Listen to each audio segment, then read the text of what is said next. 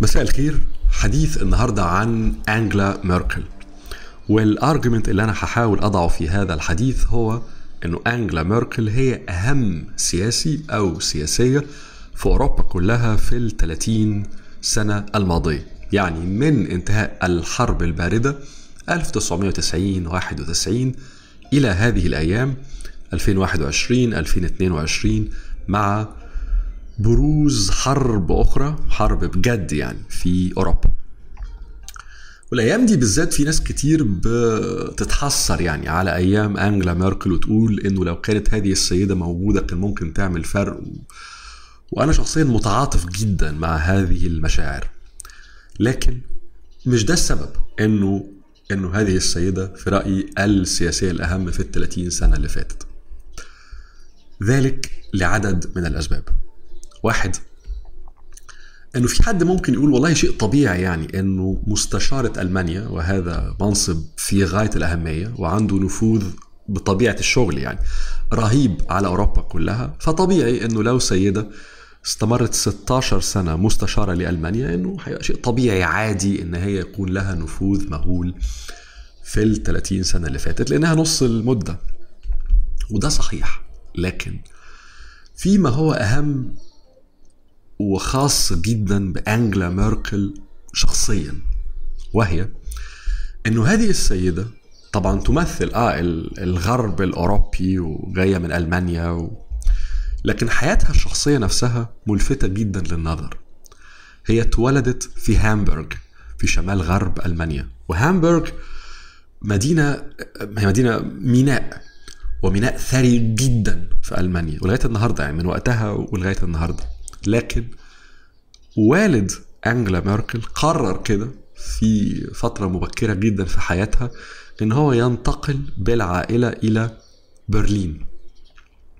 والمكان اللي هو استقر فيه في برلين أصبح فيما بعد في برلين الشرقية يعني يدوب بعد الراجل ما راح تم تقسيم ألمانيا وتقسيم برلين وبناء حائط برلين اللي هو فصل ما بين ألمانيا الشرقية وألمانيا الغربية وهذه العائلة عائلة أنجلا ميركل بقت stuck كده قاعدة في ألمانيا الشرقية لعقود لغاية سقوط الاتحاد السوفيتي انهيار حائط برلين وده كان في بدايات التسعينات. يعني فترة طويلة جدا سنين عديدة جدا هذه السيدة عندها تجربة العيش في ألمانيا الشرقية. وألمانيا الشرقية وقتها دولة مش بس مغلقة لكنها دولة ومش بس بوليسية يعني ممسوكة بالحديد والنار زي ما بنقول في مصر. فهذه السيدة فاهمة مشاعر معاناة أي حد عاش في أوروبا الشرقية طيلة الحرب الباردة. لكنها طبعا مرة أخرى تمثل أوروبا الغربية وتمثل بحكم أن هي مستشارة ألمانيا يعني. فما هو مهم جدا في تجربة أنجلا ميركل إن هي قد تكون الوحيدة ما بين كل زعماء أوروبا في ال 30 سنة اللي فاتت وكل الزعماء, الزعماء الغربيين التي شعرت بالتجربة الحياتية للأوروبيين الشرقيين وللأوروبيين الغربيين. فهم مآسي وطموحات وأحلام الناس اللي طالعين من الحرب الباردة في بدايات التسعينات وطبعا فاهمة كويس قوي أهداف والفاليوز القيم التي تمثلها أوروبا الغربية ويمثلها الاتحاد الأوروبي. التجربة الشخصية دي وهذا الفهم للناحية دي والناحية دي خلت أنجلا ميركل في تصوري عندها قدرة خاصة جدا إن هي تتحدث للاثنين تقنع الاثنين الشرق الأوروبي والغرب الأوروبي. وخلاها في غاية الأهمية للمشروع الأوروبي نفسه في ال 30 سنة اللي فاتت. لكن بالإضافة إلى ذلك في لحظة حاسمة كانت في ال 16 سنة اللي كانت فيهم أنجلا ميركل مستشارة ألمانيا. وهذه اللحظة هي الأزمة المالية في 2008 اللي طبعا أثرت بشكل قاسي للغاية على اقتصاديات عدد من الدول في جنوب أوروبا البرتغال أسبانيا إيطاليا وطبعا اليونان. في اللحظة دي أنجلا ميركل كانت بحكم أن هي مستشارة ألمانيا الدولة الاقتصاد الأكبر في أوروبا كان قدامها عدد من الاختيارات. هي اختارت أنه ألمانيا وراءها دافع الضرائب الألماني ومعاه دافعي ضرائب آخرين من دول أوروبا الغنية زي هولندا مثلا اختارت أنه أوروبا الغنية تقف مع أوروبا اللي بتتعرض للأزمة الاقتصادية الكبيرة قوي دي.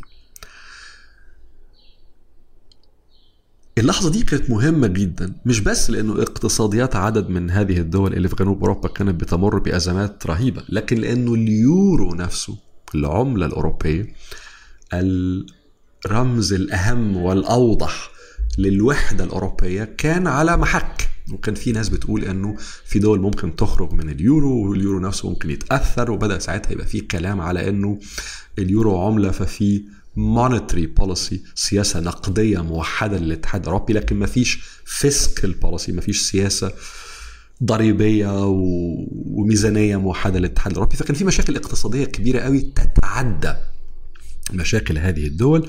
وفي تساؤلات حول الاتحاد الأوروبي نفسه.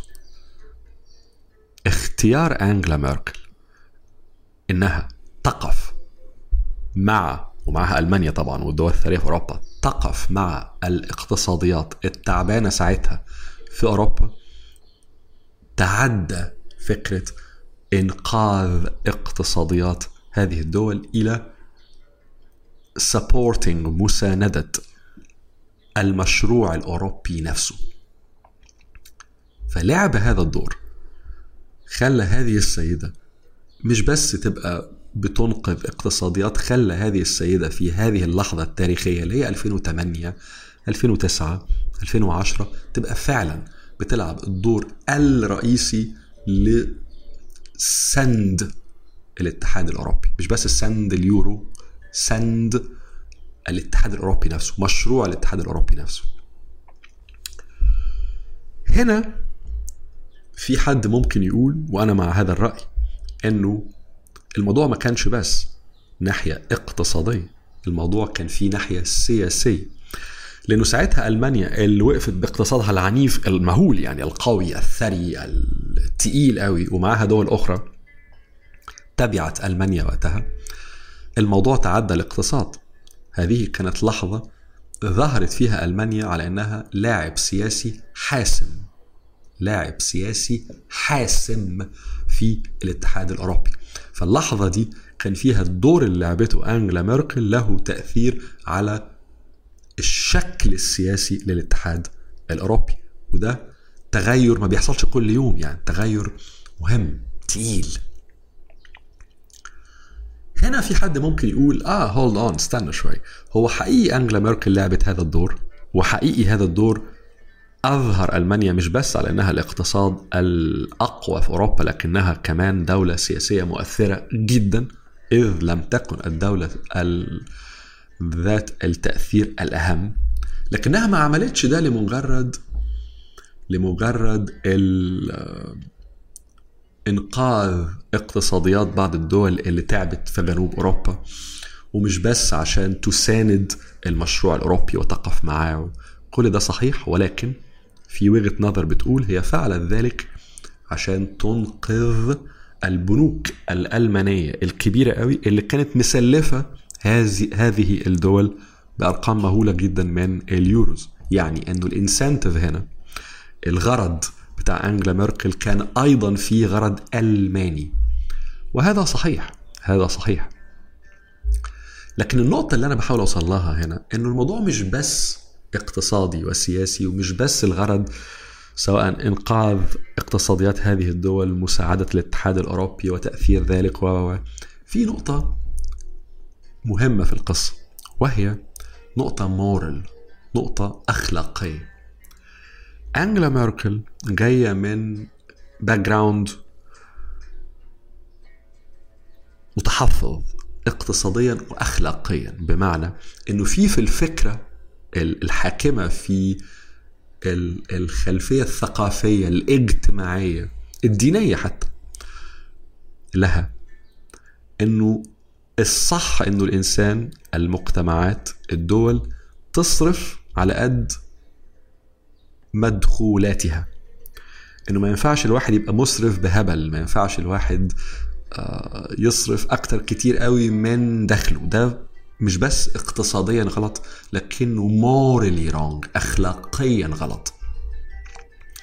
ويمكن ده متعلق بالجانب مرة تانية الديني بروتستانت شمال أوروبا ألمانيا. طبعا ده مختلف تماما عن أساليب العيش في أماكن أخرى في أوروبا زي في الجنوب.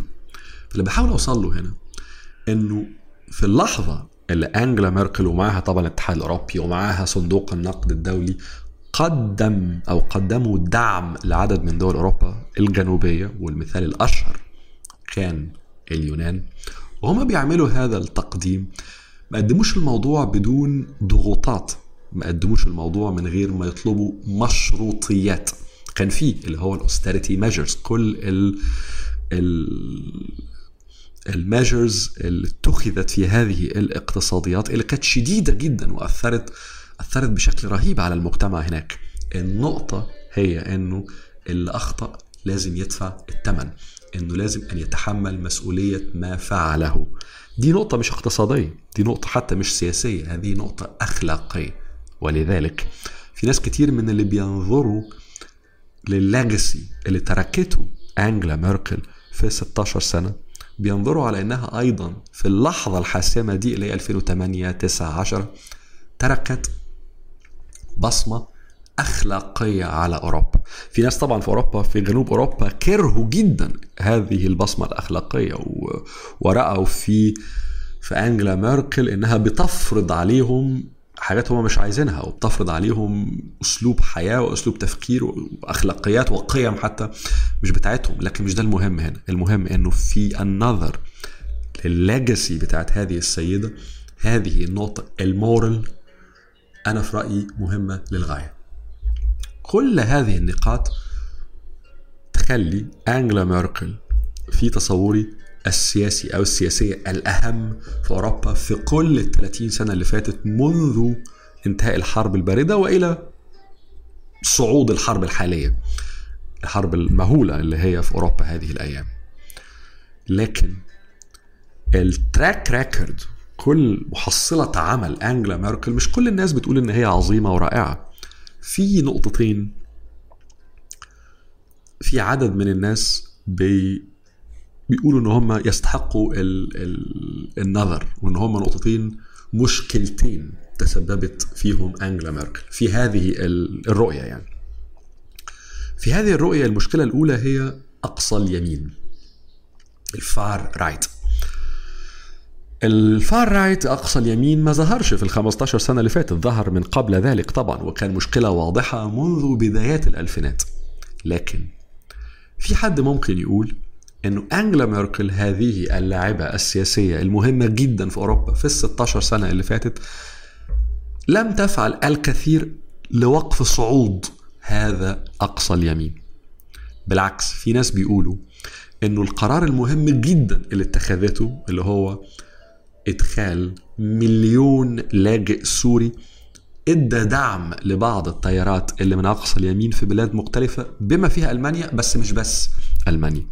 طبعا إحنا بننظر لهذا القرار على إنه قرار رائع يعني شيء جميل شيء يفرح شيء يدل على إنسانية هذه السيدة وعظمة القيم اللي هي بتحكم فكرها لكن في نفس الوقت في ناس بتقول إنه هذا القرار دعم من الارجيومنتس مما يقوله أقصى اليمين مش بس في ألمانيا لكن في عدد من الدول وإنه كان واحد من الأسباب اللي خلت أقصى اليمين يبرز أكثر وأكثر كقوة سياسية مرة تانية في ألمانيا لكن برضه في دول خارج ألمانيا في أوروبا.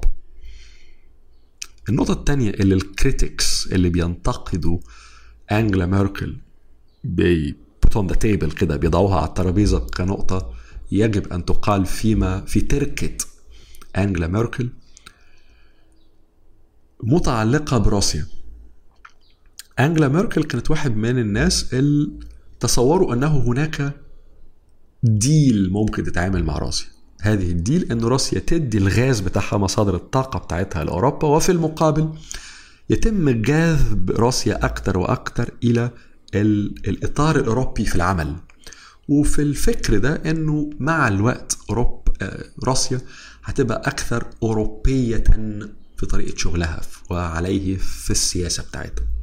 طبعا ما حدث غير ذلك لكن الأهم هنا إنه منتقدي ال critics of انجلا ميركل الناس اللي بينتقدوا انجلا ميركل بيقولوا إنه بغض النظر عن الفكرة اللي تصورتها انجلا ميركل واقع الأمر إنه بعد 16 سنة من وجودها في ال chancellorship في المستشارية الألمانية أوروبا بما فيها ألمانيا أو ألمانيا بأجزاء كبيرة من أوروبا عندها ديبندنسي عندها اعتماد كبير على الغاز الروسي اللي هو يخلي من ناحية جيوستراتيجيه يخلي أوروبا في موضع ضعف.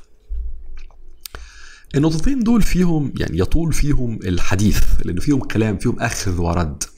لكن بغض النظر حتى مع النقطتين دول أنا في تصوري النقاط الأولى اللي تحدثنا عنها النهارده تخلي هذه السيدة أنجلا ميركل السياسية الأهم في أوروبا في ال 30 سنة اللي فاتت اللي هم واقع الأمر إحنا النهارده شايفين هم ال 30 سنة of peace ال 30 سنة اللي فيهم سلام في أوروبا اللي هم منذ انتهاء الحرب الباردة وإلى ظهور الحرب الحالية في 2022 فإذا كان هناك شخص هذه السيدة هي السياسية الأهم في هذه الفترة اللي فيها البيس وهي فترة بالمقاييس الزمني للأمم قصيرة للغاية لكنها مهمة للغاية وعليه تراث تركة أنجلا ميركل تستحق أن الواحد يفكر فيها بإمعان أو يبص لها كده ويقول إيه فعلا المهم في تاريخ هذه السيدة العظيمة.